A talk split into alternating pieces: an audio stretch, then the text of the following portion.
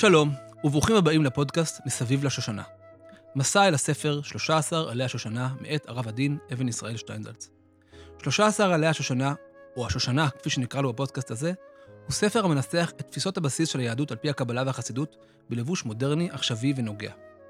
בפודקאסט הזה ננסה לצלול בכל פעם לתוך אחד הפרקים וננסה להפיק תובנות משמעותיות לחיים יהודיים בעלי משמעות. בפרק הזה נעסוק בפרק הפתיחה של הספר.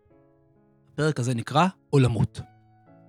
העולם הפיזי שאנו חיים בו, כל הקוסמוס שמסביבנו, הוא רק חלק ממערכת גדולה של עולמות.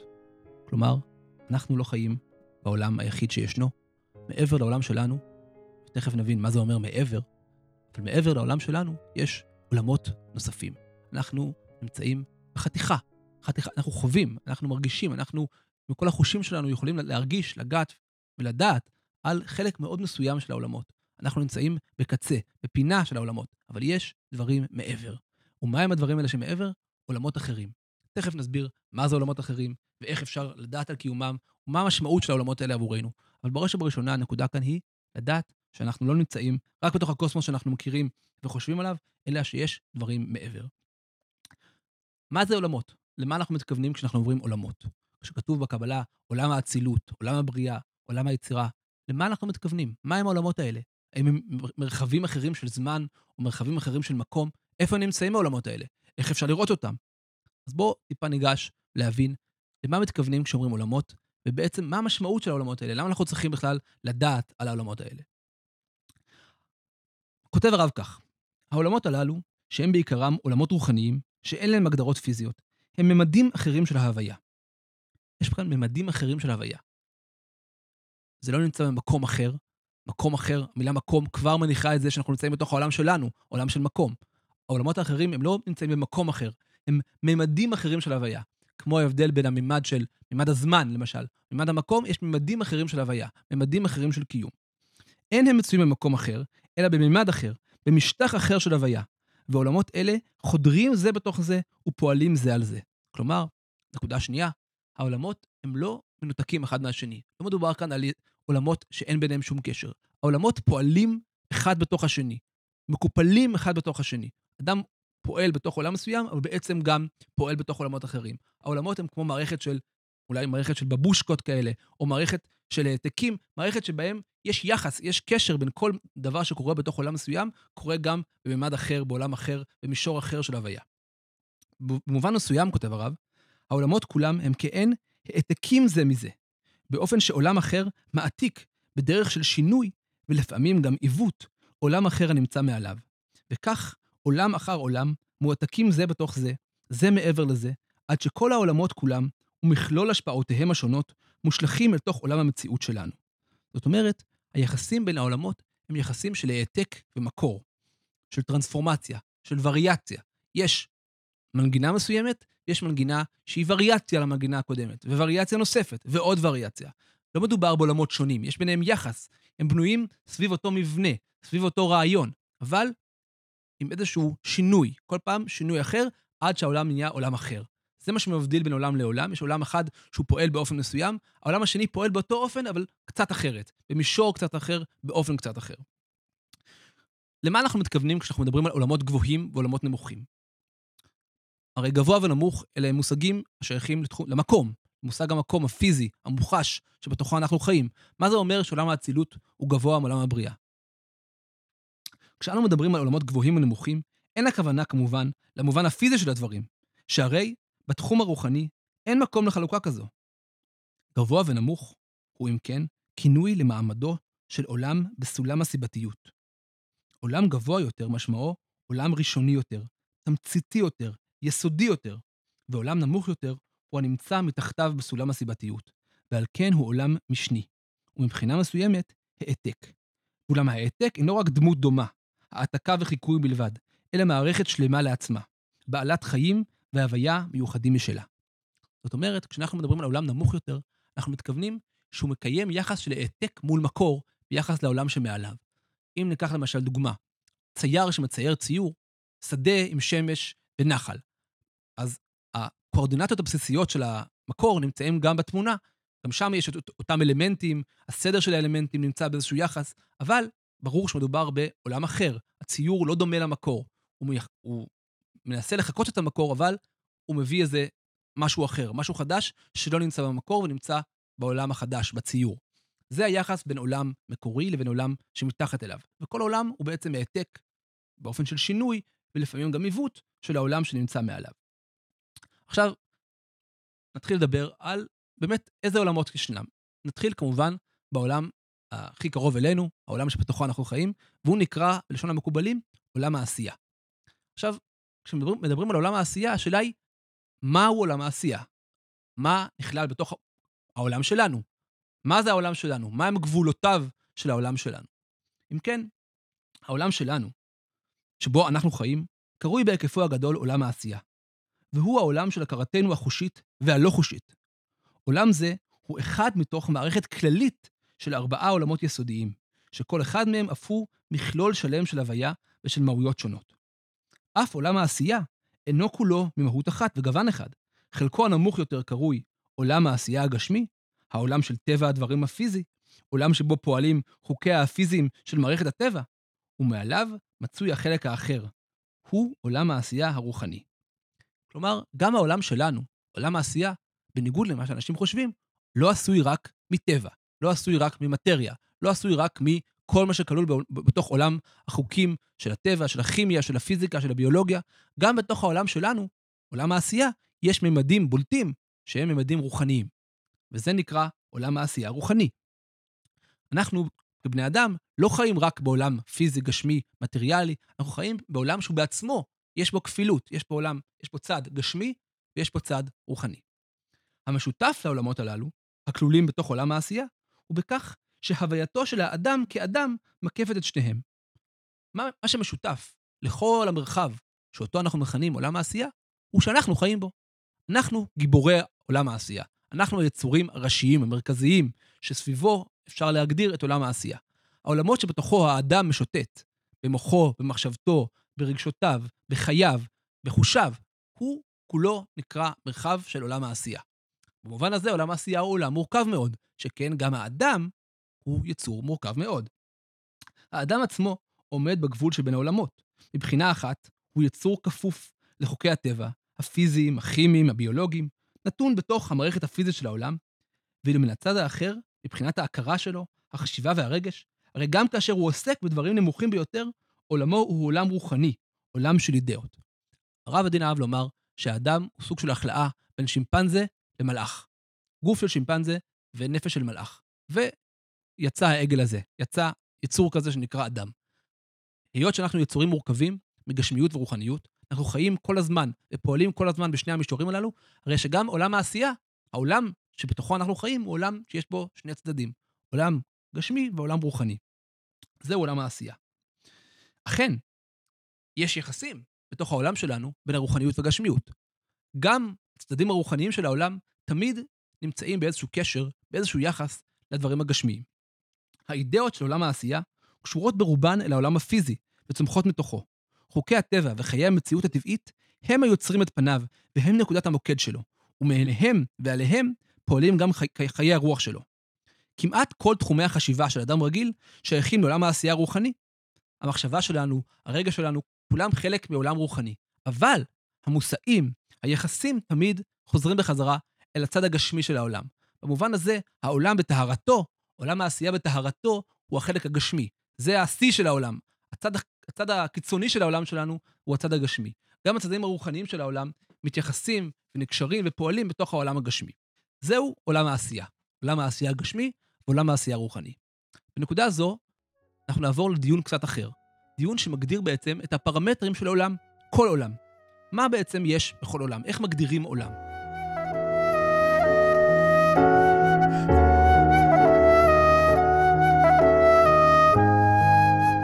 יש הגדרה עתיקה שמופיעה כבר בספר יצירה, שמדברת על עולם, שנה ונפש. בכל עולם, אומר הרב הדין, יש עולם, שנה ונפש. מהו עולם, שנה ונפש? בעולם שלנו מדובר במימד המרחב, מימד הזמן והנפש, כלומר, היצורים, החיים הנמצאים בתוך העולם הזה. בעולם שלנו יש מקום, כל הדברים נמצאים על גבי ציר המקום, יש ציר של זמן, ויש את החיים הפועלים בתוך התוכן, החי והפועל בתוך המרחב של, הצ... של הזמן והמרחב של המקום. בכל עולם אבל, אומר הרב, יש עולם שנה ונפש. מהו אם כן העולם? איך נגדיר עולם בתוך מרחב שאיננו פיזי? בעולם שלנו יש מרחב של מקום, אבל בעולם היצירה, בעולם הבריאה, מה זה אומר עולם?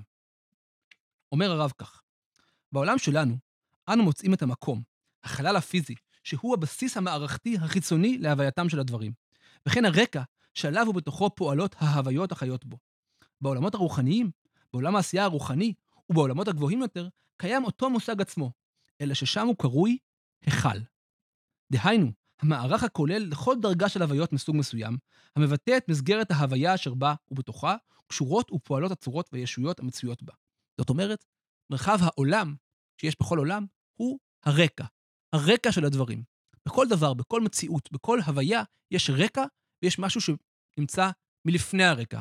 יש בתוך סרט, יש את הניצבים ואת הגיבור הראשי, את השחקנים המשניים ואת השחקן המר... המרכזי. בתוך כל ציור יש את הרקע ויש את הציור, את הפיגורה שנמצאת מעבר לו.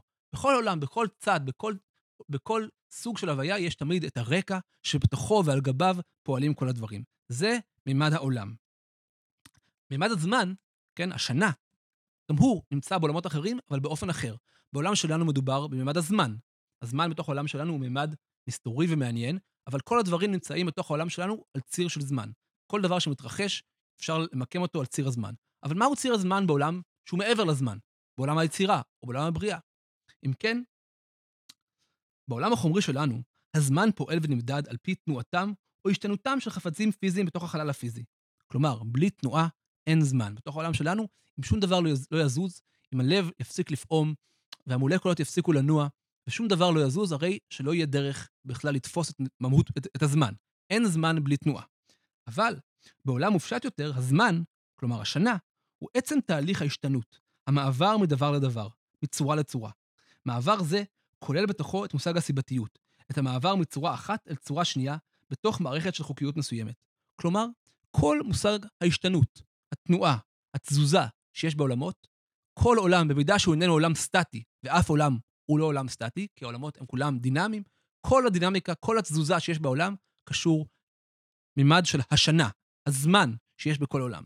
כלומר, בכל עולם אנחנו נחפש את הרקע ואת ההשתנות. מה קורה בתוך העולם הזה? מה שקורה, הסיבות, המעברים שיש מפאזה אחת לפאזה אחרת, זה אה, ייקרא שנה. זה הצד של השנה.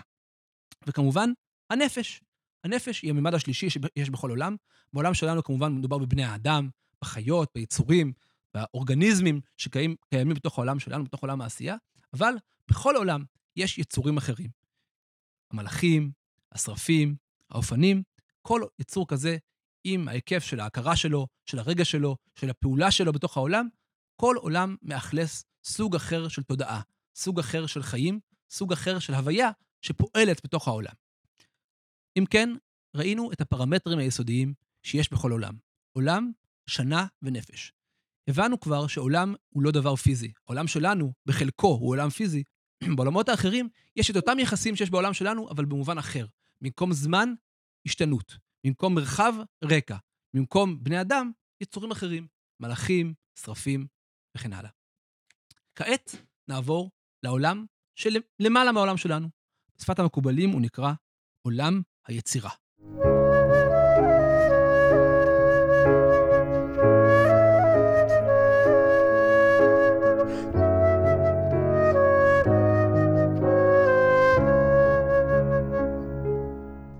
מהו עולם היצירה? עולם היצירה, כותב הרב, הוא בעיקרו עולמו של הרגש. לאמור, עולם היצירה כעולם, כמצבור של מהויות, הוא מכלול ההוויה של רגשות, ושל מה שמקביל להם בצורות מופשטות יותר.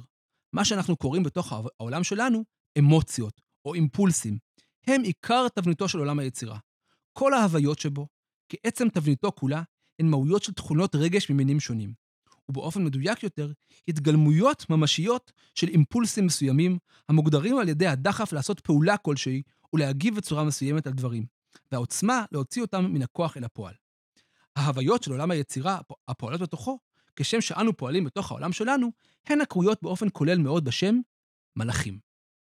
כלומר, עולם היצירה הוא עולם שאם נדמיין אותו, איך היה נראה העולם אם רגש האהבה היה מגולם. אם האהבה שאני מרגיש לא היה רק רגש שנמצא בתוכי, אלא היה מהות כזאת של אהבה שחיה ופועלת בתוך העולם. מהות שלמה שכל כולה אהבה. או מהות שלמה שכל כולה יראה. או מהות שלמה שכל כולה רגש אחר או אימפולס אחר. עולם היצירה הוא עולם שבו המהויות הפועלות בתוכו הם הרגשות עצמם. המהויות הטהורות של הרגש הטהור שפועל בתוך העולם. בעולם שלנו הרגשות נמצאים בתוך הקשרים, בתוך בני האדם, בתוך עולמות מסוימים. עולם היצירה הוא עולם שכולו מבוסס על יצורים שהם כולם רגש טהור. המלאכים, לפיו זה, הם גילומים של סוג מסוים של רגש, של אהבה, של יראה או של משהו אחר. מה הם בעצם המלאכים? למה אנחנו מתכוונים כשאנחנו מדברים על מלאכים? כאן נכנס הרב לדיון ארוך ומאוד מעניין, גם מאוד חשוב, ביחס למלאכים בכלל. המלאך הוא מציאות רוחנית, המוגדרת בעיקרו של דבר על פי תוכנה, על פי התכונות והאופי המיוחדים שלה. שני מלאכים נבדלים זה מזה, לא במרחב הפיזי שהם תופסים, אלא בדרגתם, דהיינו היותם זה למעלה מזה, מבחינת הסיבתיות הבסיסית, או היותם זה בצד זה, משום ההבדל בין מהות, מהויותיהם.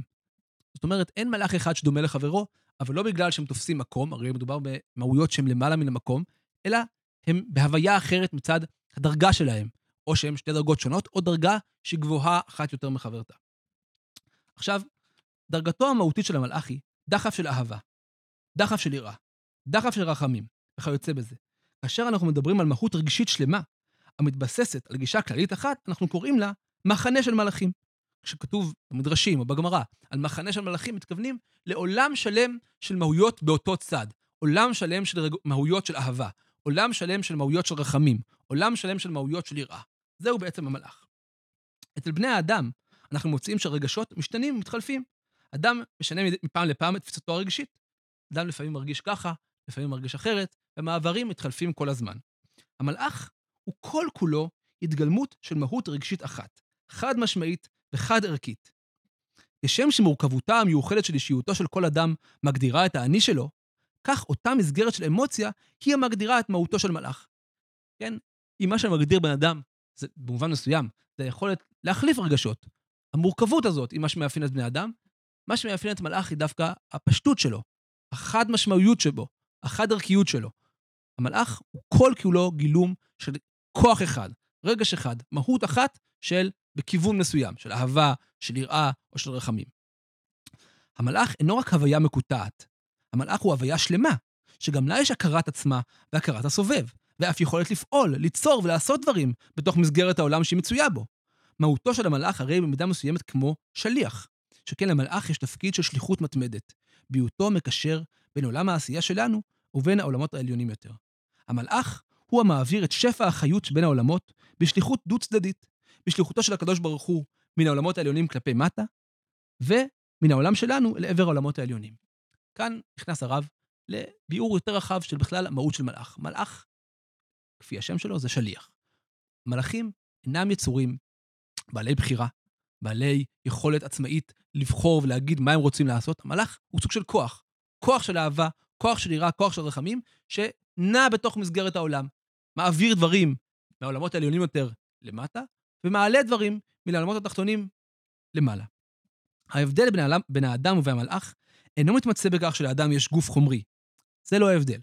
עיקרו של ההבדל מצוי בין נפשו של אדם ובין המלאך. לעומת נפש האדם, שהיא מורכבת ביותר וכוללת מערך שלם של הוויות שונות, המלאך הוא הוויה בעלת מהות אחת. האדם, בשל ריבוי הצדדים והסתירות שבו, יש בו היכולת היחידה במינה לבחור בין טוב לרע, בין דבר לדבר. היכולת הזו יוצרת גם את האפשרות של כישלון והידרדרות. אנחנו בני אדם יצורים מורכבים. יש לנו ניצוץ אלוקי של בחירה, יש בנו צדדים שונים, סתירות, כל מיני דברים מתחוצצים בתוכנו, ולכן אנחנו יכולים לבחור בין דבר א' לדבר ב', ליפול ולקום, לעלות ולעוף. אנחנו יצורים מאוד מאוד גמישים. לעומת זאת, המלאך, מבחינת מהותו, הוא לעולם סטטי. הוא הוויה בלתי משתנית.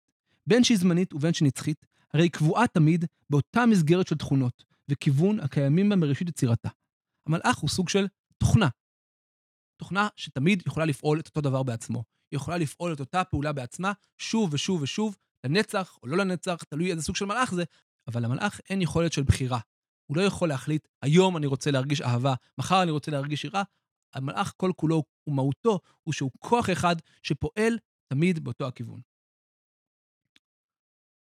מנקודה זו הרב ניגש להסביר עניין מאוד חשוב שקשור למעשה המצוות שלנו, והיחס בכלל בינינו ובין המלאכים ביחס למצוות.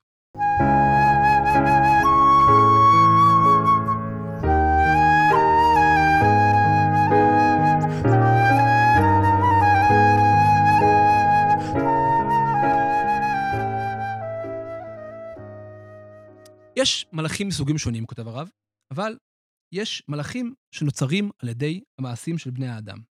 שכן, יצורי העולמות, בפרט עולם העשייה, שזה העולם שלנו, יוצרים כל הזמן, על ידי מעשיהם וחוויותיהם, מלאכים מסוגים שונים. כל מצווה שאדם עושה אינה רק פעילות של שינוי בתוך העולם הגשמי, אלא גם פעילות רוחנית כשלעצמה.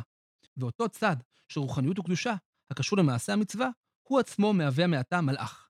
לאמור, האמוציה, הכוונה, קדושתו המהותית של המעשה שנעשה, כל אלה מצטרפים יחד למהותה של המצווה כהוויה בעלת ממשות אובייקטיבית.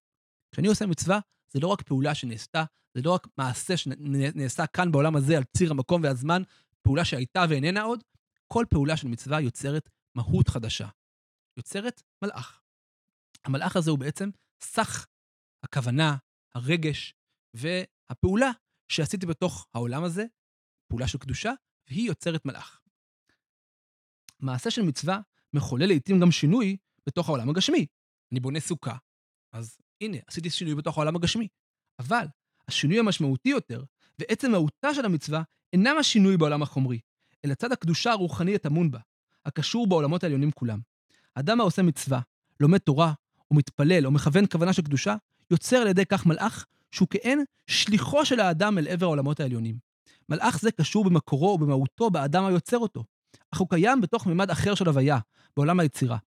בתוך עולם היצירה מקבלות המצוות והכוונות משמעות עצמית וממשות, שהיא הממשות של הוויית המלאך. כלומר, יש עולם שנקרא עולם היצירה, ושם חיים בין השאר מלאכים שנוצרו מכוח המעשים שלנו, בני האדם. המצוות שלנו, הכוונות שלנו, הרצונות שלנו, יוצרים מלאכים. היצורים האלה הם בעצם גילום של המעשה שעשינו כאן בעולם הזה, מקבלים גילום אובייקטיבי, משוחרר מאיתנו, כן? שאיננו קשור למה שנעשה אחרי זה או לפני זה, הם כבר חיים בזה עולם. כל מצווה יוצרת משהו פרמננטי, משהו קבוע בתוך העולם, שממשיך להתקיים בעולמות אחרים. מה הם עושים בעולמות העליונים? הם שליחים מלמטה למעלה. השליחות העולה כלפי מעלה משנה את מערכת העולמות העליונים, ובראשונה את עולם היצירה הנמצא מעל עולמנו.